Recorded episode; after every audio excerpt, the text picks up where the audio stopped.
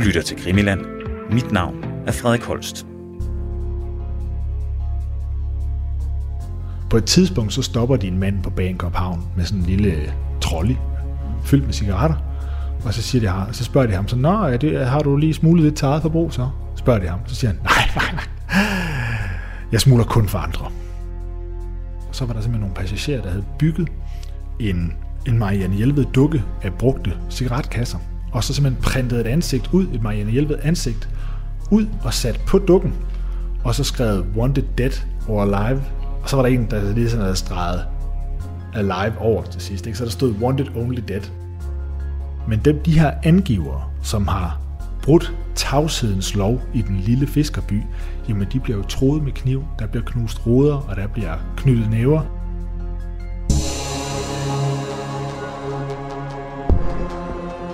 Motorens brummen og vibreren danner krusninger i overfladen i kaffen i de hvide indgangskopper, mens den store stålfærge skubber sig gennem vandet.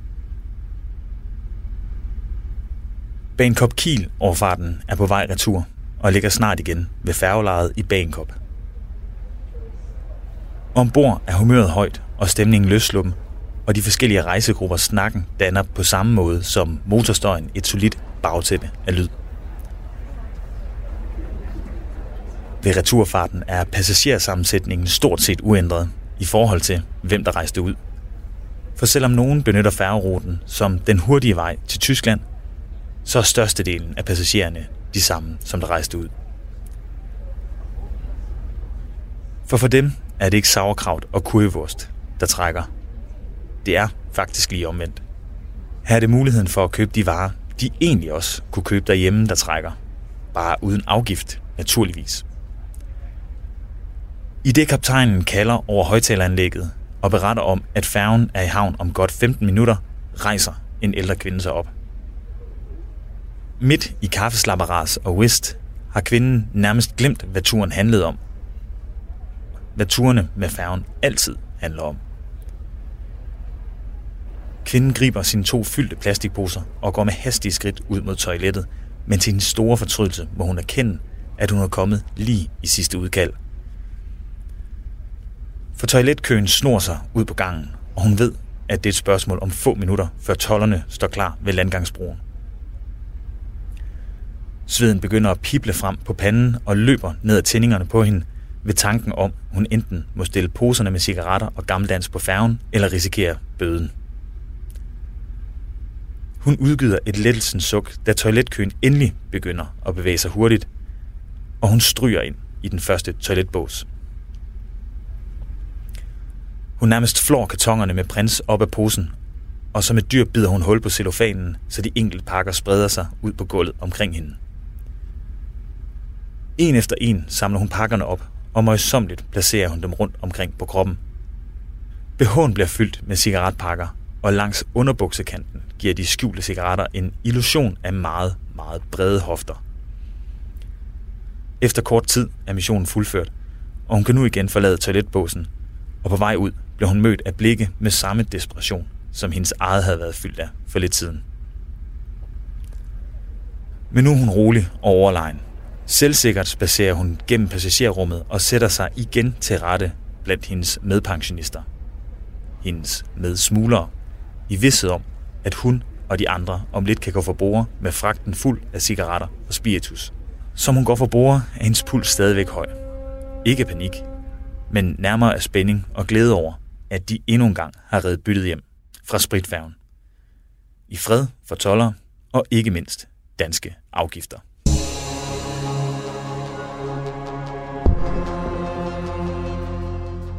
Velkommen til den her uges udgave af Krimiland, det store tasselbord. En Krimiland-serie, hvor vi ser nærmere på den kriminalitet, der blomstrede op i 60'erne og 70'erne. En periode, som dem, der oplevede den, måske husker mere for den økonomiske fremgang. Hjemmets første farvefjernsyn eller familiens første charterferie. Og for os, der ikke var der, men mest bare kigger tilbage på tiden, ja, så var det en tid med udvikling oprør og nye normer. For selvom rødstrømpebevægelsen rigtig nok brændte deres behov, markant flere kvinder kom på arbejdsmarkedet, og rockere stadig havde mere med rockmusik at gøre end med motorcykler. Så var der kriminalitet. Ikke den samme, som vi ser i dag, men den var der. Den havde bare lidt en anden form. Olsenbanden kørte på tv-skærmene landet over, og hele nationen lå med, når den lille mand forsøgte at kuppe sig til millioner fra store pengemænd. Og lidt på samme måde, så havde man også en lidt anden tilgang til, at man som befolkning kunne finde på at snyde staten. Mit navn er Frederik Holst. Jeg er din vært, og gennem hele min opvækst, der har jeg fået piget min nysgerrighed på den danske kriminalhistorie af min far, der har kunnet fortælle politi- og røverhistorier fra 80'erne og 90'erne. Og af den grund er jeg begyndt at undre mig over, hvad der skabte det kriminalitetsbillede. Altså, hvad der lå før det. Derfor fortsætter Krimiland op gennem historien fra besættelsestiden og æderkopsagen op til perioden 60'erne og 70'erne. Og det første emne, vi er stødt ind i her, er smugleriet. Vores to seneste afsnit har handlet om sømænds smugleri, hvor de tjente et lille tilskud oven i lønnen, og så storsmuglerne, der kunne tjene så mange penge på de ulovligt indførte cigaretter, at de kunne opretholde en flamboyant playboy-livsførsel alene på cigaretsalg. Men selvom det, så var unddragelse af 12 og afgifter ikke kun for de få med enten søfartsbog eller speedbåd for ondt. For der var jo selvfølgelig også hele befolkningen omkring smuglerne. Og den almindelige befolkning. Ja, i hvert fald dem, der var så heldige at bo tæt på et færgeleje med en spritfærge i rutefart, de gjorde i hvert fald også brug af muligheden for de relativt store besparelser uden for landets grænser. Og det, det er dagens tema her i Krimiland, det store til selvbord, i et afsnit, vi kalder De mange småsmuglere. Siden landets grænser åbnede igen efter krigen, så var der igen mulighed for at drage fordel af, at nogle ting slet og ret var billigere i udlandet end i Danmark. Og jeg kan da også forestille mig, at de fleste har minder om ture til Tyskland for at hente billige forsyninger, hvad enten det har været alkohol, tobak eller fødevarer. For mit eget vedkommende, så kan jeg i hvert fald huske, hvordan 90'ernes bilferie altid tog sit første eller andet stop ved en af grænsebutikkerne. Og det var altid for at få fyldt bilen op med øl, sodavand eller snacks, inden turen gik videre mod Norditalien.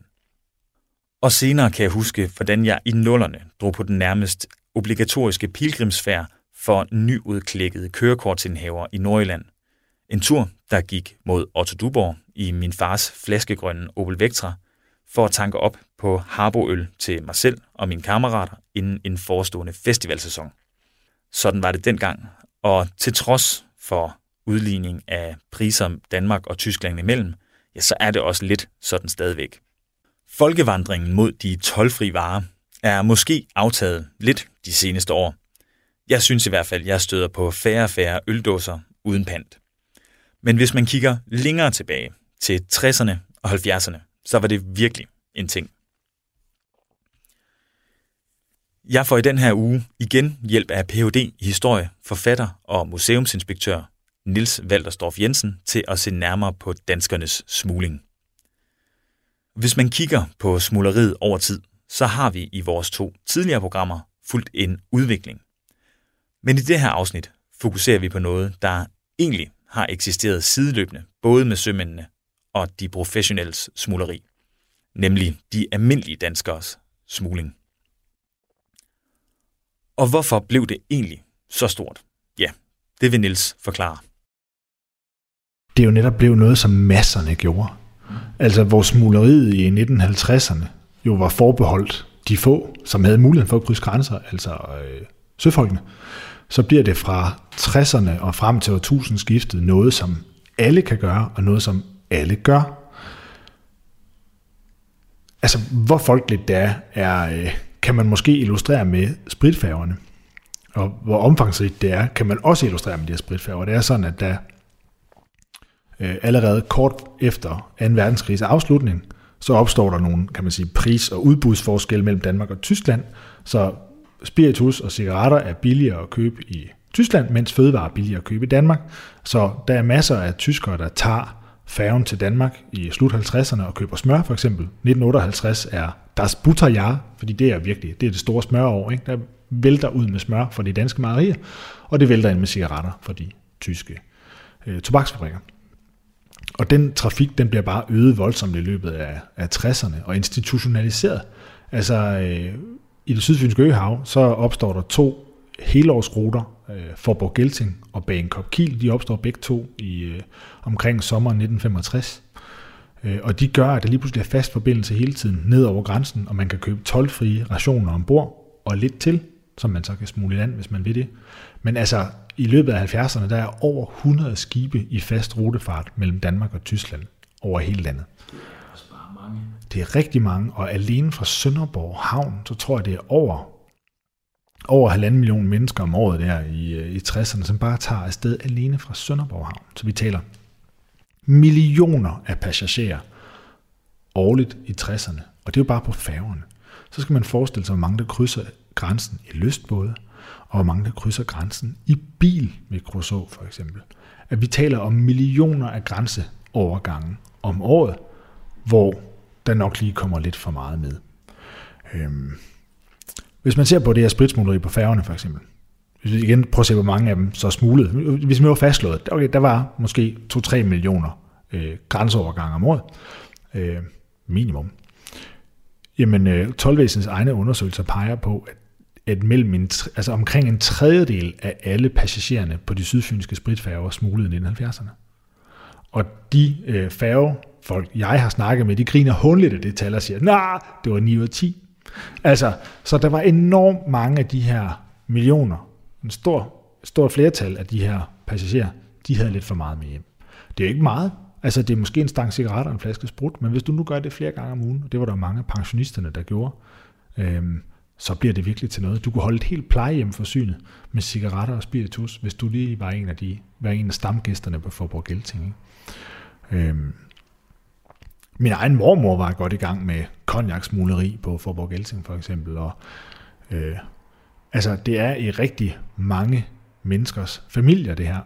Øh, og det blev igen, så det afspejler meget tydeligt den der folkelige legitimitet, der også havde den totale accept af, at det var der noget, man gjorde. Det var en familieaktivitet. Jeg har interviewet folk, som tog afsted på familieture med Bangkok Kiel, og så når, når man kunne se, at tollerne kom, så kunne man lige smide nogle pakker cigaretter ned i børnenes strømpebukser, for eksempel, hvis man nu havde en pige med ombord. Ja. Altså, der er jo ikke nogen, der kigger der. Så man brugte børnene som skalkeskjul, man brugte øh, kvindekroppen som skalkeskjul. Altså man på den måde så, øh, den her enorme kreativitet, som der også gør sig gældende blandt øh, storsmuglerne, den er endnu vildere blandt småsmuglerne. Vi taler om ældre kvinder, som i vintermånederne sidder og strikker.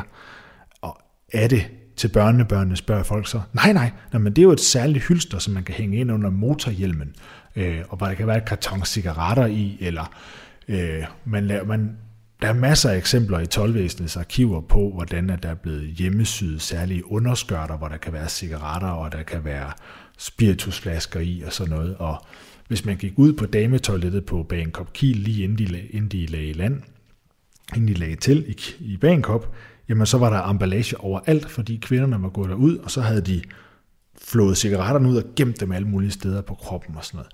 Altså, altså det, det er fuldstændig vildt, hvor meget der ryger ind i landet på det her tidspunkt øh, af den vej.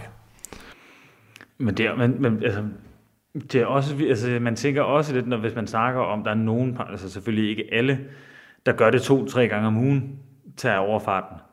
Altså, så man kunne godt tænke sig, øh, det kunne være det er i hvert fald et interessant tankeeksperiment. At tænke sådan, hvor, mange, hvor meget havde de her færger eksisteret, hvis ikke der havde været muligheden for at score øh, tolvfri varer? Jamen, det, det var jo det primære produkt, de solgte. Det var jo faktisk adgangen til tolvfri varer. Og det når man strammer på det, så kan man se, at passagertallene de falder voldsomt. Mm. Så det kan godt være, at der var noget, altså der var en vis ræson, hvis man nu for eksempel skulle fra Svendborg til Kiel fordi motorvejsnettet var så dårligt stadigvæk, så gav det jo tidsmæssigt mening, hvis man så tog færgeoverfarten Bangkok Kiel. Men det var ikke meget mere, altså det var jo ikke alle, der stod af i Kiel. Jo. De sejlede skulle med tilbage, fordi de skulle bare have deres rationer. Selvom Bangkok Kiel-overfarten tjente en rolle i infrastrukturen, som motorvejsnettet endnu ikke helt kunne løfte, så var den primære vare ikke transport, men den handel, som de rejsende kunne gøre på færgen under overfarten. Spiritus og tobak blev solgt i et enormt omfang, og det var alle, som nød godt af muligheden for at kunne anskaffe sig billige varer. Både til sig selv, til familien, til venner og bekendte, og faktisk også et par fremmede. Og man købte også ind til folk, man kendte. Og man købte ind til det plejecenter, man boede på, hvis man nu var en ældre pensionist, eller man købt ind til familie og venner og sådan noget. Så i de her øh, områder, der kunne man alle kendte nogen i Forborg, som kunne skaffe dem et eller andet, hvis det var. Peger mine informanter i hvert fald på.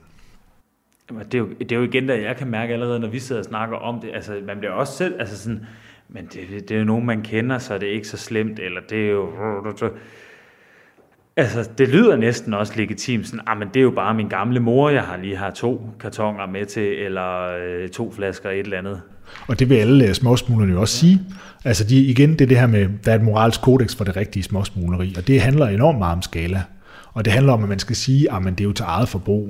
Men så det, man så ofte hører smuglerne sige, ah, at jeg er eget forbruger, og lidt til familien, og måske lidt til vennerne, og måske lidt til videre salg i hvert fald. Fordi det, jeg kan se i 12-papirerne i hvert fald, det er jo, at når de fanger nogen, så er der tit videre salg involveret. På et tidspunkt, så stopper de en mand på Bangkok Havn med sådan en lille trolley, fyldt med cigaretter, og så, siger de, så spørger de ham så, Nå, er det, har du lige smuglet lidt taget på brug så? Spørger de ham. Så siger han, nej, nej, nej. Jeg smuler kun for andre. Altså, du gør det ikke nemmere for dig selv, ven. Altså, øh, men det, det fik han lige behov for lige at, at markere over for tolvvæsenet. Han smuler altså kun for andre.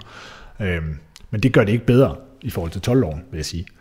Øhm, så han fik en klækkelig bøde. Men altså, der er rigtig mange sager, hvor det gælder videresalg. Den største, en af de største og mest farverige sager er fra Bangkok i 1968.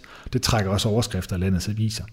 Og det er fordi, de, de kommer, øh, både Bangkok Kiel og Forborg Gelsen kommer der i 65, og allerede 68, der er det altså blevet professionaliseret, det der færgesmugleri. Og det er fiskerne i Bangkok, som har fundet ud af, at hvis det nu har en mand ombord, som bare køber vildt ind af cigaretter, så kan han kaste over bord, inden de når ind i Bangkok Havn, hvor tolvvæsenet står og venter. Tolvvæsenet er jo ikke med ombord på det her tidspunkt. De står bare og venter ind i havnen. Så hvis man nu kaster det fra bord, så kan fiskerne samle det op, samle sammen, og så kan de køre til Lindøværftet op ved Odense og afsætte det der. Og der taler vi altså om millioner af cigaretter, der ryger ind i landet på den der måde. Det var altså helt, om ikke legitimt, så helt accepteret, at man havde lidt ekstra varme hjem. For selvom de store forskelle i afgifter er en ting, der hører fortiden til, og derved også en stor del af smugleriet, eller i hvert fald fortjenesten derved, så er jeg ret sikker på, at jeg ikke har været den eneste, der på et tidspunkt har købt en pantfri cola fra et køleskab i frokostpausen på en arbejdsplads. Og når jeg tænker tilbage på det, så er det uden et gram af anger eller fortrydelse.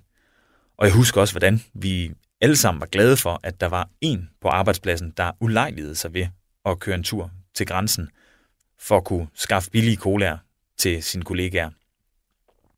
Og historien her er bestemt ikke for at pege fingre af min tidligere kollega, eller af andre, der har benyttet sig af lignende ordninger. Nej, det er mere for at kunne give et eksempel på, hvor accepteret af distribution af afgiftsfri varer stadigvæk er. For selvom det nu kan virke absurd, at store virksomheder lader sig selv indgå i distributionen af smuglervarer, så synes jeg egentlig ikke, at det virker så uforklarligt, at de gjorde det, når man tænker på, hvordan vi accepterer det i dag, og så tillagt, hvor stor prisforskellen på varer købt i Danmark og Tyskland var. Men historien med smuglerne på Lindøværftet stopper ikke her. For der er mere til historien, og hvor accepteret det i grunden var. Og det bliver tydeligt, når nogen får stukket en kæppe i hjulet på smugleriet. Men på et tidspunkt efter det har kørt et stykke tid, så er der nogen i Bankop, der tipper tolvvæsenet om den her model, der kredser om, om Bankop Kielfærgen. Og fiskerne de bliver arresteret og får store bøder, men dem, de her angivere, som har brudt tavshedens lov i den lille fiskerby, jamen de bliver jo troet med kniv, der bliver knust ruder, og der bliver knyttet næver, og når de så ringer til øh, overbetjenten i Humble, som jo på det tidspunkt var den øverste rangerende politimand i Sydlangelands Kommune, så sagde han, nej, jeg kan, ikke gøre, jeg kan ikke rigtig gøre noget, men hvis I nu selv rotter jer sammen og slår igen, så kan det være, at det stopper. Så han indrømmer jo simpelthen over for dem, at han ikke har nogen kontrol med Bagenkop, og de er nødt til selv at løse problemet. Ikke? Og det er jo ikke Sicilien, det er Sydlangeland, sidst i 60'erne. Øh, og det er jo fordi, der er så store penge faktisk involveret i det her. Og det peger faktisk også igen på distributionen, der er ret sjov her. Og det, de gør jo faktisk det samme som storsmuglerne. De opsøger de store virksomheder, får fat i kantinedamerne, og så flyder det ud til medarbejderne derfra. Øhm, og der er Bankop et sted, der bliver omtalt, altså omtalt af aviserne der 68 som et sted, hvor jungleloven gælder. Ja, det må man sige. Altså, også, altså når politiet anerkender, det kan vi, øh, det, det kan vi ikke rigtig magte. Den, den opgave, den må I selv løse. Det er ret ekstremt. Og hvad var det, jeg tænkte på? Jamen, det er, og så er det jo også bare specielt det her med, hvis den model, du forklarer med, at så sender din mand ombord og køber ting og smider dem over.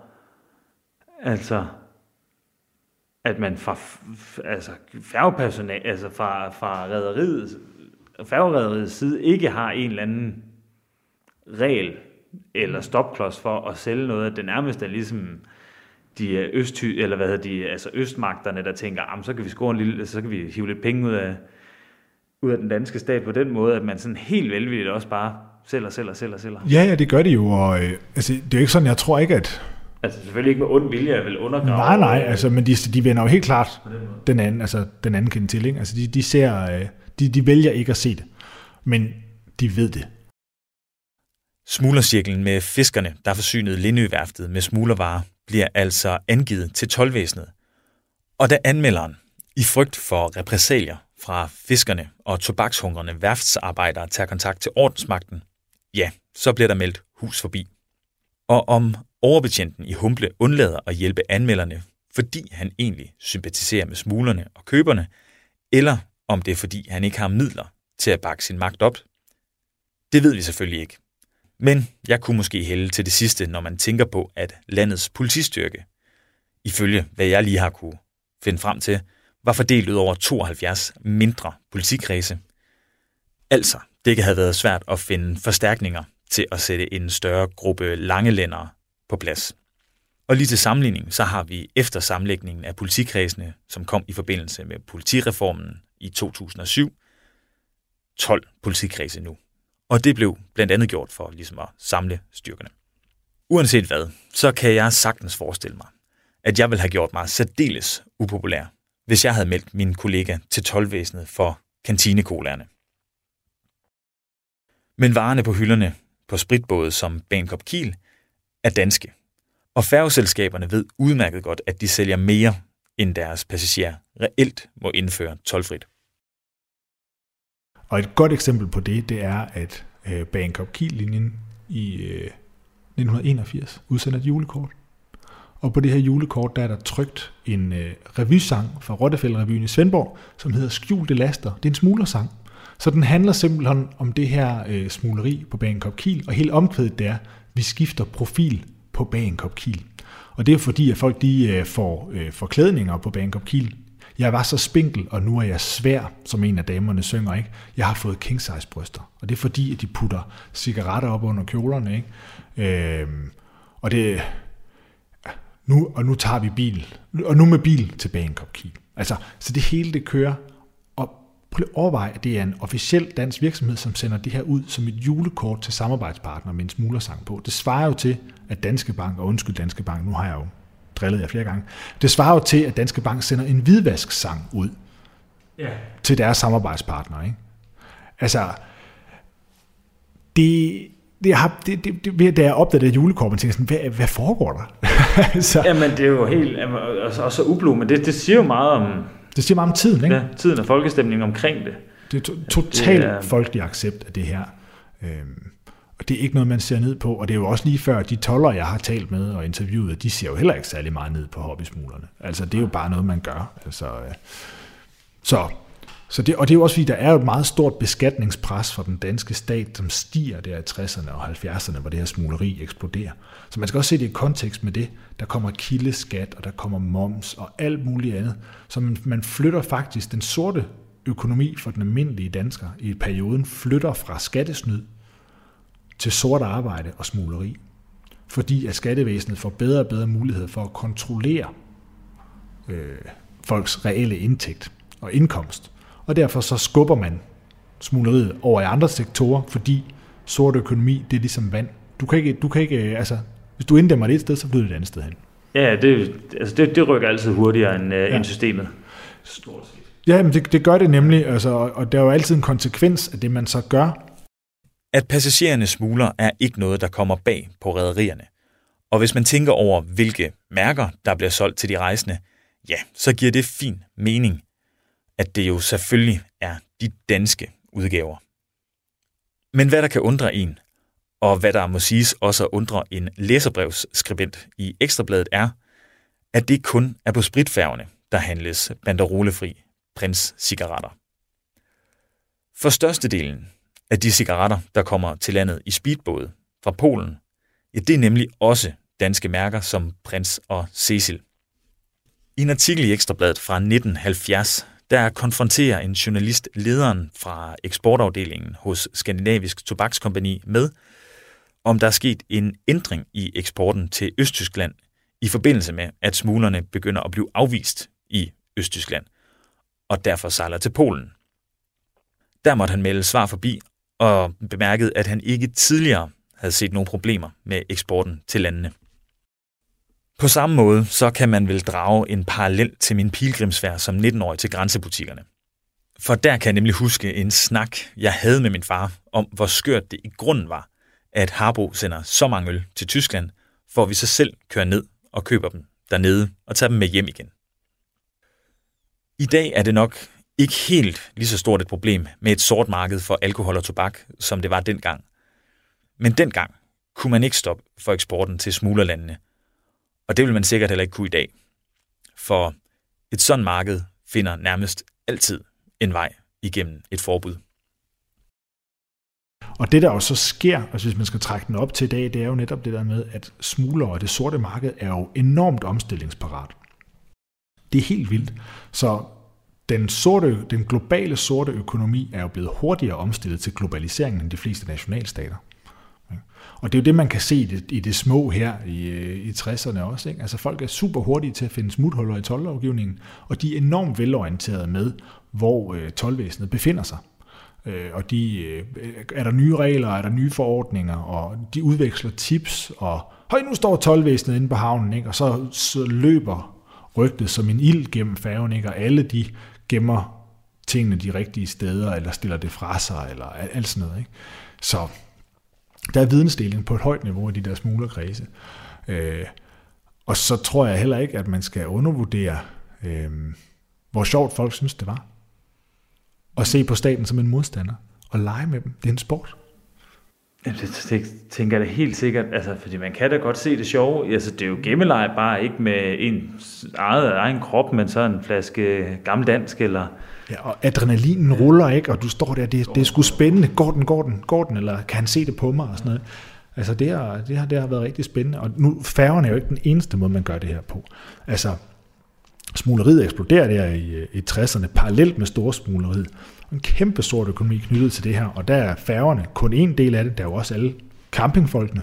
Der er jo billeder i, min, øh, i mit familiealbum fra 60'erne, hvor min øh, far var på camping dernede ved Kolund, øhm, og der, havde han, der var min oldemors kæreste Hansen med, og der er sådan et billede i familiealbummet, hvordan han står og hiver smuglercigaretter op af sine herrestrømper, efter det har været på tur. Ikke? Øh, og det, var, det alle campinggæsterne gjorde dernede, så lå det der, og så kørte de lige over grænsen og provianterede, kørte tilbage igen, kørte over grænsen og, og, og, og hele tiden frem og tilbage, så havde man jo lidt til vintermåneden. Ikke? Øh, så det er jo, et var campinggæsterne, men så er der jo også alle løssejlerne. Så blandt løssejlerne, så var det jo også en, altså en fast rutine, at man sejlede afsted i folkebåde og sagitager, som bådene hed på det tidspunkt. Ja, hvad, det, det, hvad er det for nogle slags ja, men det er jo også sådan en lystbåd, en sejlbåd. Så ja. sejler man afsted til øh, Langbaliau eller øh, Kiel eller nogle af de der andre øh, havne på øh, den nordtyske kyst, og så opkøber man rigtig store mængder cigaretter og spiritus, sejler tilbage igen. Det kan være, at man køber dem på udførsel, så siger man til de tyske tolvmyndigheder, at ah, jeg skal fire uger, fire uger på tur i international farvand, så jeg må gerne købe det og det og det, og det skal man ikke. Man skal jo bare hjem til Svendborg. Ikke? Men man får fyldt øh, bådene med alt muligt, og det gemmer man forskellige steder. Ja, hvor er det man, altså hvordan, er det ligesom på, øh, er det ligesom på, det, hvad hedder det, på de store coaster, at man stuer det ind alle mulige steder, eller er det, ja, hvordan, hvordan gør man det? Jamen det, det er det jo, der er bare, de er jo lidt mindre de her både, så der er jo færre gemmesteder, men der er stadigvæk mange gode. Altså, øh, der er en person, der skriver til tolvvæsenet sidst i 60'erne, at han har hørt, at løssejlerne i Vindebyhavn på Tåsinge, de gemmer øh, deres spiritus i skibenes fender. Det er de her plastikballoner, som, hedder på ud, som hænger på udkanten af skibet, så den ikke bliver ridset, når den ligger i havn. Men prøv lige at overveje at drikke drikke vodka, der hængte i sådan en solvarm fender en sommerdag. Ja, det kan kun have en bismag af, ja. af PVC, eller hvad? hvad, hvad ja, men det har været ureguleret på det ja. tidspunkt, ikke? Det har været ekstremt hormonforstyrrende, det ja. der. Altså, det er virkelig lækkert, og, men de har gemt det alle mulige steder. Altså, jeg har snakket med nogen, der specialkonstruerede sådan nogle øh, ginrør, sådan et, et, et, et rør, man kunne hænge ned under skibet, i, sådan et, et, et, et ophæng af tov, og så hvis tolvvæsenet kom, så kunne man skære torvet over, så hang så faldt det jo i vandet, men selve ginflaskerne lå stadigvæk i deres rør ned under skibet, så kunne man bare bruge en bådshage, og så kunne man få det op igen på den måde. Ikke? Og så man spændte ned i vandet, og ja. så kunne man lige hurtigt kappe det. Ja, og der var rigtig mange, der de vidste jo godt, hvor tollerne holdt af at ligge.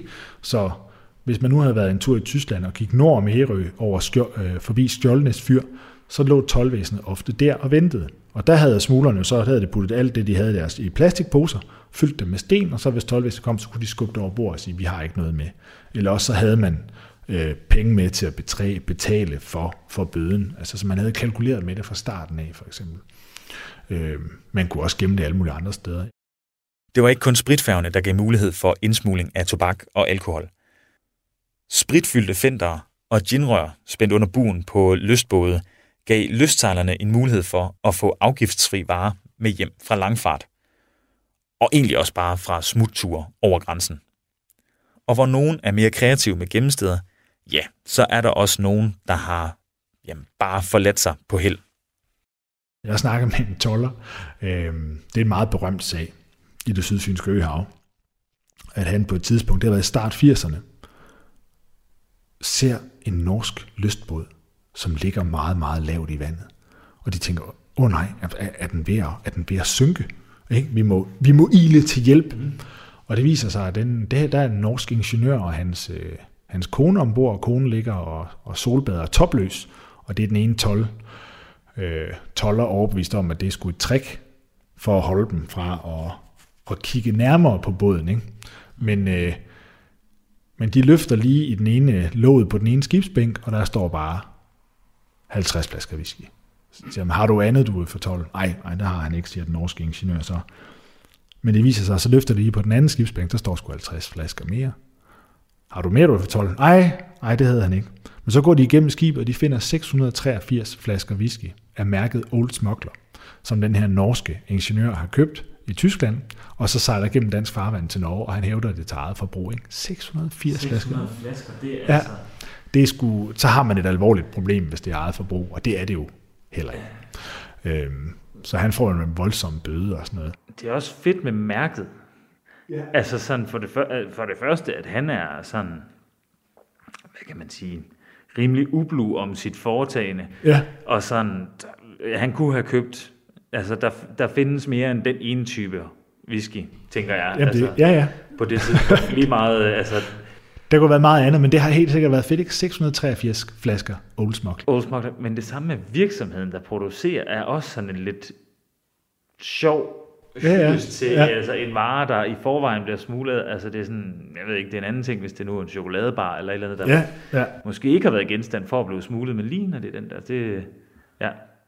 Og det er jo sådan en sag, man stadigvæk snakker om på Sydfyn dag, når jeg fortæller, at jeg har arbejdet med fuld smuleri eller forsket i det, så er folk sådan, har du hørt den om ham nordmanden? Og, sådan noget. Ja, men det, og det illustrerer meget godt, hvordan smuleri, det er også nogle fortællinger, man bliver mødt af i det her område. Altså tilflyttere, det er noget af det første, de registrerer. Altså hvis man er lokal, så har man altså smuglerhistorier, man kan fortælle. Så det er sådan en måde, at man er en del af fællesskabet på. Den norske sømand bliver knaldet for afskillige 100 flasker Old Smuggler – og der er flere eksempler på mere kuriøse sager, hvor personer, som man ikke lige umiddelbart vil mistænke for smugleri, ja, forsøger at smule. For selvom det selvfølgelig ikke når storsmuglernes millioner af cigaretter, ja, så er historierne om de mange småsmuglers massesmugleri stadigvæk spektakulære. Og jeg har ikke kunne finde tallene på, hvad man tidligere har kunne indføre tolfrit, men i dag er beskrivelsen, at man må købe til eget forbrug. Og ifølge grænsehandelbutikken pris, eller pris, så er det for eksempel 800 cigaretter eller 10 liter spiritus. Og jeg tænker, at mængderne sikkert er højere nu, end de var dengang.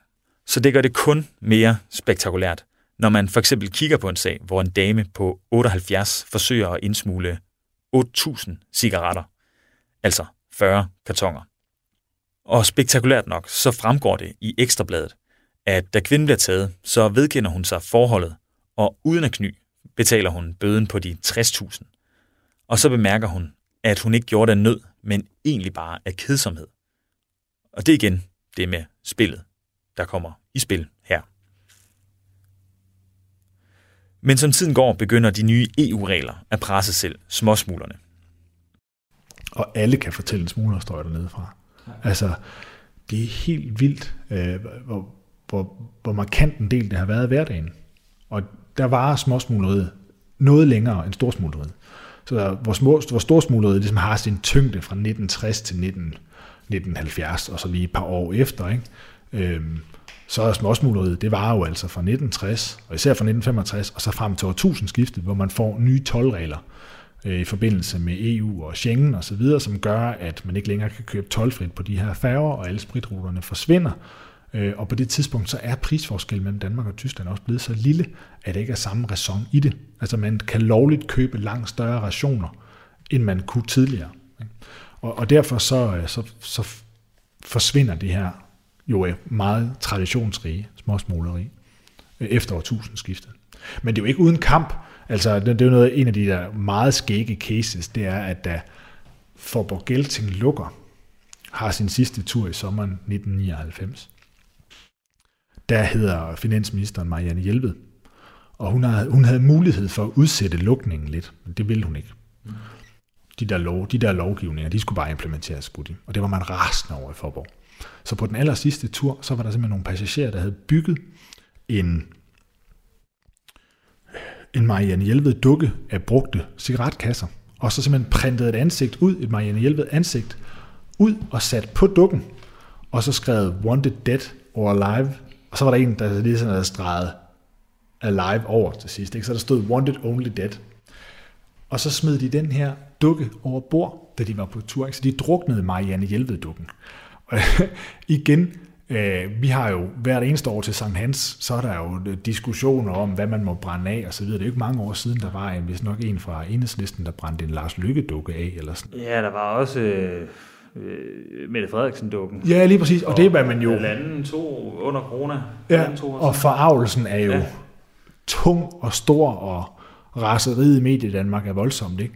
Men her der drukner de en Marianne Hjelved dukke, og folk de står bare og hujer, farvel Marianne, og sådan noget. Altså der er sådan nogle, og det bliver sendt i fjernsynet, og folk er glade, de synes det er et sjovt indslag. Altså det siger noget om den der vrede, der er knyttet til, at hun så lukker sådan en skattet tradition ned. Ikke? Men man har jo ja. virkelig meget af de færger der. Men det vil have ikke, altså nu, nu, nu er vi jo sådan oppe i, i, i vores tid, eller næsten ja, 20 år siden, 22 år siden, men sådan, det vil jo egentlig ikke være en ting, der sådan kunne have fortsat, hvis de ikke har kunne handle tolvfri der, så ville det jo ikke kunne have fortsat. Altså det ville have været en, en hvad kan man sige, en stakket frist. Det må man sige. Altså man forsøgte faktisk på i Bankop og at starte den der Bankop Kielfærge op på folkeaktier af ja. flere omgange. Og det lykkedes ikke at gøre en god forretning ud af det, fordi der var ikke... Man havde ikke det tolvfri, man kunne tilbyde. Og så er der også sket noget med vores øh, infrastruktur, at det er sådan, at i dag, hvis du vil fra Bagenkop til Kiel, så tager det altså kun tre timer i bil, fordi du kan køre på motorvej, stor del af, af, af vejen. Ikke? Men i 1960'erne, så ville det have taget dig 6-7 timer, og imod halvanden time med færge eller sådan noget. Ja. Så det, du sparer på at tage færgerne i dag, er meget, meget mindre, end du gjorde for 50 år siden.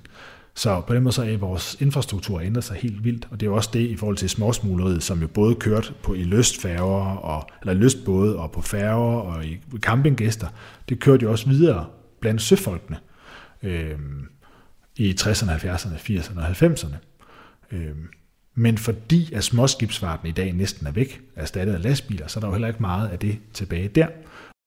Som det har vist sig senere hen, så er det stort set umuligt at stoppe for indsmuglingen så længe det er profitabelt. Og grundet ændringer i afgifter, så er cigaretsmugleriet og spiritussmugleriet på et minimum. Så i dag kan man måske bedst se den omstillingsparathed, som Nils taler om, hvis man ser på de historier om narkotikasalg på det, der populært kaldes for det mørke internet, eller på historierne, hvor primært engelske myndigheder ikke har haft mulighed for at dæmme op for kopistoffer, som grundet en simpel og mindre ændring i stoffets kemiske sammensætning kunne forhandles lovligt. Så hvis vi tilsætter det, at varerne, der blev smuglet dengang, i udgangspunktet var lovlige, et element af spil eller leg, ja, så synes jeg, man begynder at kunne forstå, hvorfor det har været så svært at komme smugleriet til livs. Men altså, hvis, man skal, hvis vi lige skal knytte nogle ord til, hvordan søfolkene gjorde det i 60'erne og frem til vores tid, jamen så, øh, så minder det jo meget om det, vi, vi så i 1950'erne, hvor det var for at kunne gå i land og få en god bytur, og det var noget, man blev oplært i. Men samtidig så øh, blev det også mere diverst, det man smuglede. Øh, det blev også til spejepølser, når man gik til Norge, som man kunne sælge for gode penge, men det blev også til farvefjernsyn. Jeg ved fra pålidelig kilde, at de første farvefjernsyn på Ærø for eksempel blev smuglet ind af de lokale skibe. Øh, og det man, det man så skulle gøre, det der var tricket, det var, at hvis man for eksempel lå i Holland, så kunne man købe farvefjernsyn, og så kunne man installere dem på sømændenes kamre, og så sige, at det var en del af apteringen. Det er simpelthen en del af skibet. Det her det er jo sømændenes, det er en del af skibet. Og så når man gik i når man kom til Marstal, jamen, så tog man dem jo bare ud af væggen, og så gik man hjem, og så satte dem op derhjemme, og der var jo langt flere indsmuglede farvefjernsyn til at starte med, end der var reelt købte farvefjernsyn. Altså, øh, det var noget afgift til, fordi jeg tænker også, det er også det er en dyt med også en dyr ting at købe sort uden kvittering og altså smuglet ind. Ja, og det, det, er jo, det, det hænger enormt meget sammen med afgifter. Jeg har også snakket med mange, som smuglede transistorradioer ja. i 1970'erne. Der var folk, der tog en sejlbåd eller en kajak, gud hjælp mig, til, øh, til Tyskland for at købe transistorradioer og højtalere, fordi det var meget billigere dernede, og så sejlede hjem med dem igen. Altså, ja øh, så, så det hænger meget sammen med afgiftsstrukturen, når man smuglede papegøjer, fordi sjældne dyr er meget billigere i Tyskland og sådan noget. Altså, det er, øh, det er virkelig øh, ja, sært men der er blevet smuglet rigtig, rigtig meget. Øh, og det må sige, der flytter smugleriet sig fra det maritime smugleri i sådan et maritimt område som det sydfynske øhav, og så til at blive tættere knyttet til landegrænsen i dag. Storsmuglerne begynder altså allerede at forsvinde i første halvdel af 70'erne.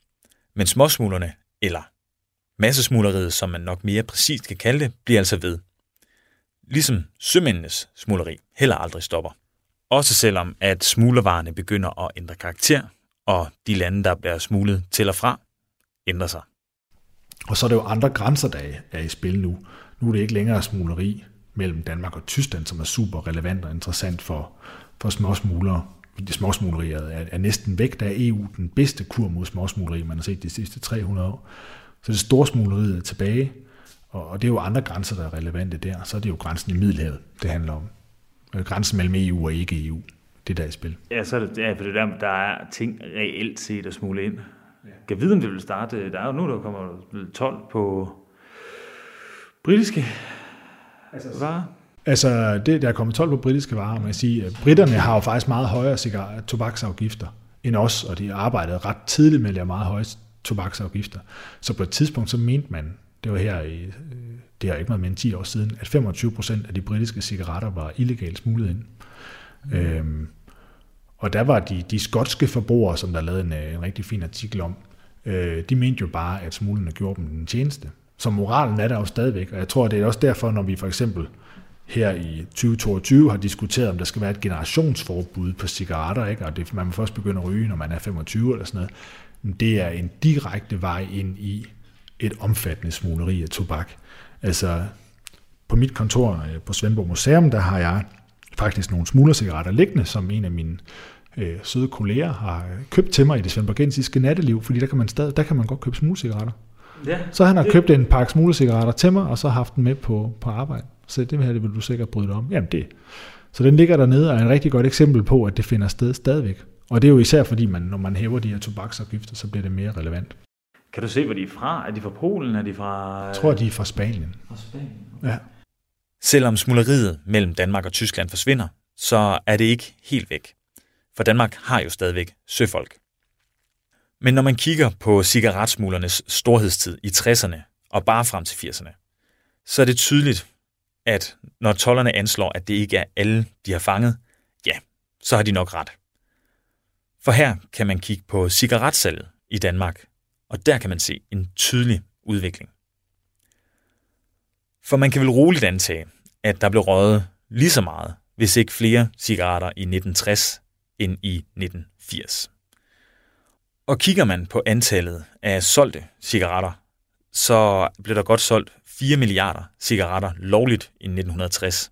Altså i en periode, hvor der virkelig var fortjeneste ved og mulighed for at smule cigaretter. Og til sammenligning så kan man kigge på 1980, hvor storsmuglerne var stoppet, og cigaretsmugleriet primært var båret af de private småsmuglere.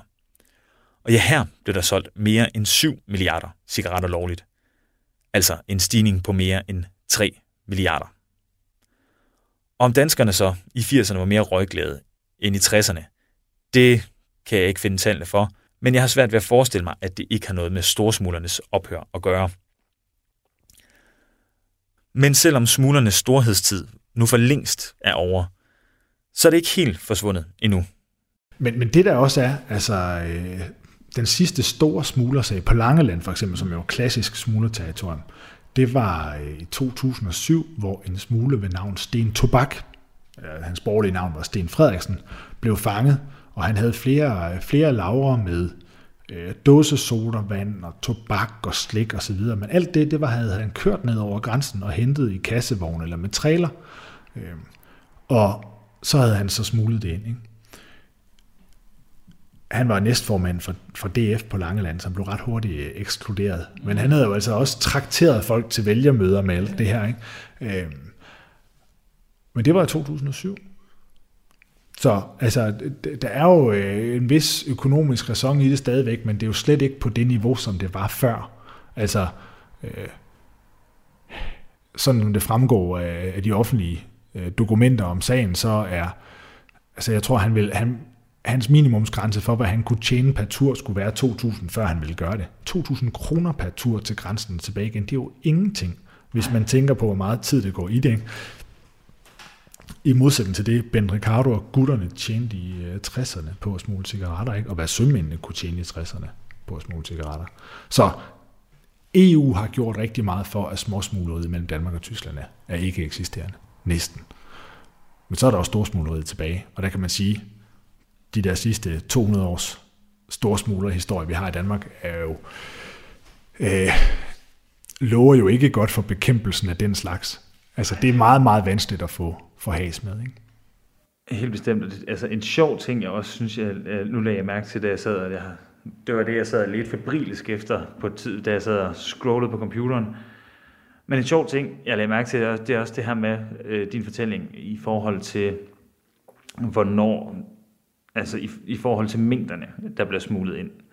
Og sådan i forhold til, øh, ja, hvornår og hvornår det ligesom at mængden af indsmuglede cigaretter falder, i hvert fald professionelt, og sådan, hvor man kan se i, øh, altså, det, den der med den anslåede mængde af, af de indsmuglede cigaretter, hvor meget cigaretsalget stiger i slutningen af 70'erne, og hvor meget højere det er end i, end i 60'erne, hvor man ville tænke, at folk måske i hvert fald havde bedre råd eller flere penge til at købe men folk, de, øh, de røg og drak jo med arme og ben. Ja.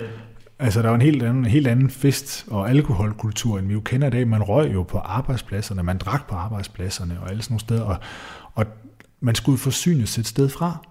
Og det blev man jo af, af smugleri blandt andet. Ikke? Altså, folk ville have del i goderne.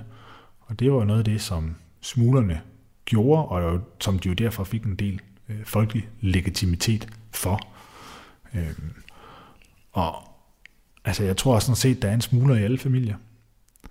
Altså, hvis man snakker med sin bedstemor eller sådan noget, det er, det er noget, de alle sammen har prøvet. Altså, øh, jeg er i hvert fald blevet overrasket over, hvor, øh, hvor omfangsrigt det har været. Altså, og hvor sportsligt betonet det også har været. Men at millioner af danskere har prøvet kræfter med en folkelig, altså med, med, med folkelig kriminalitet, det synes jeg er tankevækkende. Jamen det er det. Jeg har da også, altså, selv jeg har da vi skulle til Norge og spille musik en gang. Så må vi købe, så måtte vi, hvis vi havde tre, tre, øh, tre færgebilletter, så kunne man købe to kasser øl. Men så er det også lige en, en flaske sprut i guitarkassen, i øh, guitarkassen og, og sådan noget for lige at få det med over, ikke? Altså for, for at have noget med hjemme, for det var så dyrt derovre. Jeg ved, altså, jeg kender sig ikke lige helt, om det ville skulle fortolles. Det ville det jo nok egentlig skulle. Det ville det jo nok skulle, ikke? Altså, øh, og det er jo sådan noget, man skal forestille sig, at der, der bare har været endnu mere af, og været endnu, mere, endnu større incitament for at gøre.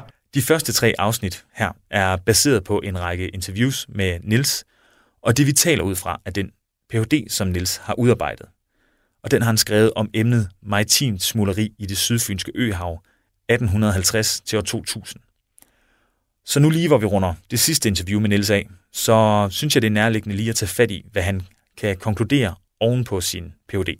Og, og jeg synes jo, det skal gøre noget ved den måde, vi ligesom tænker dansk historie på. Altså det her det er jo et, øh, det er en ny lang linje i dansk historie, at Danmark er et smuglerland, og danskerne er et smuglerfolk. Altså at man på den måde jo nuancerer den der klassiske danske selvfortælling om, at vi er sådan et, et, et lovlydigt land i toppen af alle de rigtige statistikker og tillidssamfund osv. osv. Jamen det her, det viser jo, at for mange, mange mennesker, så er staten noget fjernt og noget abstrakt, og hensynet til statskassen, det er ikke noget, der vejer særligt tungt. Altså at man faktisk er parat til at, at snyde staten, hvis man kan. Øhm, det tror jeg er noget, man jo også skal, skal huske, når man laver ny politik, for eksempel, når det gælder øh, for eksempel øh, cigaretforbud, som jo bliver åbenlyst diskuteret tit. Altså det tror jeg vil være at være, at være direkte ind i et kæmpestort sort marked for indsmuglede cigaretter.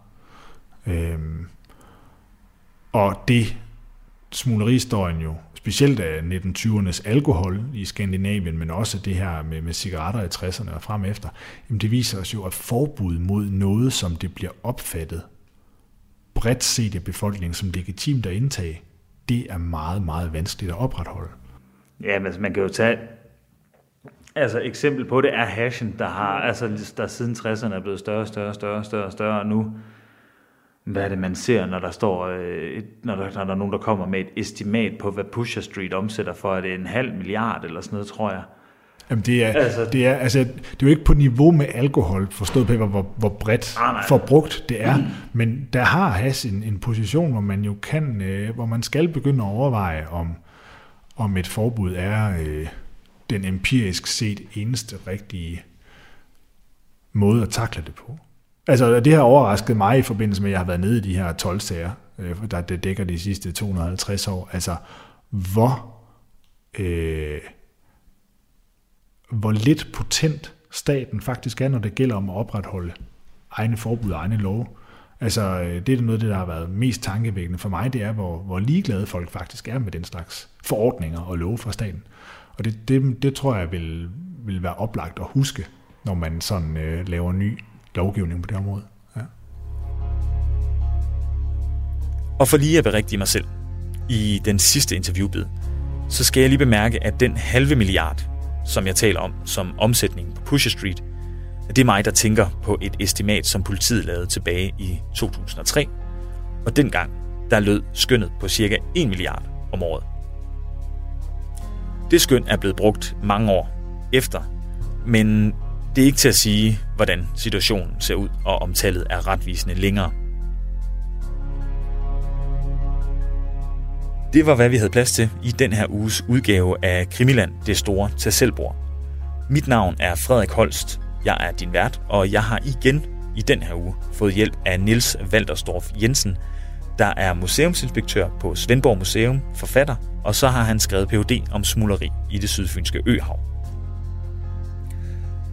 Hvis du har historier eller informationer, som du har lyst til at dele med andre krimilandlyttere om det her emne eller et af vores tidligere emner, Ja, så kan du gøre det på vores Facebook-side Krimiland-Radio 4.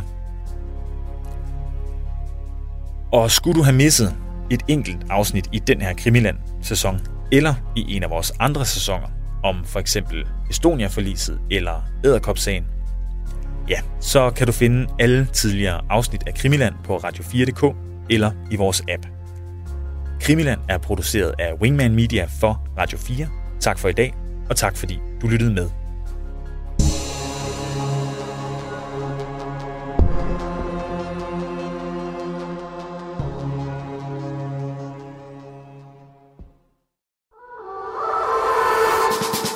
John Paul George Ringo. Det er nærmest et børnerim. I årvis har man diskuteret, hvem der egentlig var den femte Beatle. Jeg synes ikke, det er helt forkert at sige, at The Beatles er en af de 20. århundredes største myter. Over sommeren sætter Beatles-nørderne Christoffer Lind og Niels Jakob Myge jagten ind på at finde den, som har gjort sig fortjent til titlen. Nu skal vi have det etableret en gang for alle. Hvem var den femte Beatle? Fra store personligheder til anonyme vandbærere, dramatiske livshistorier og tragiske skæbner.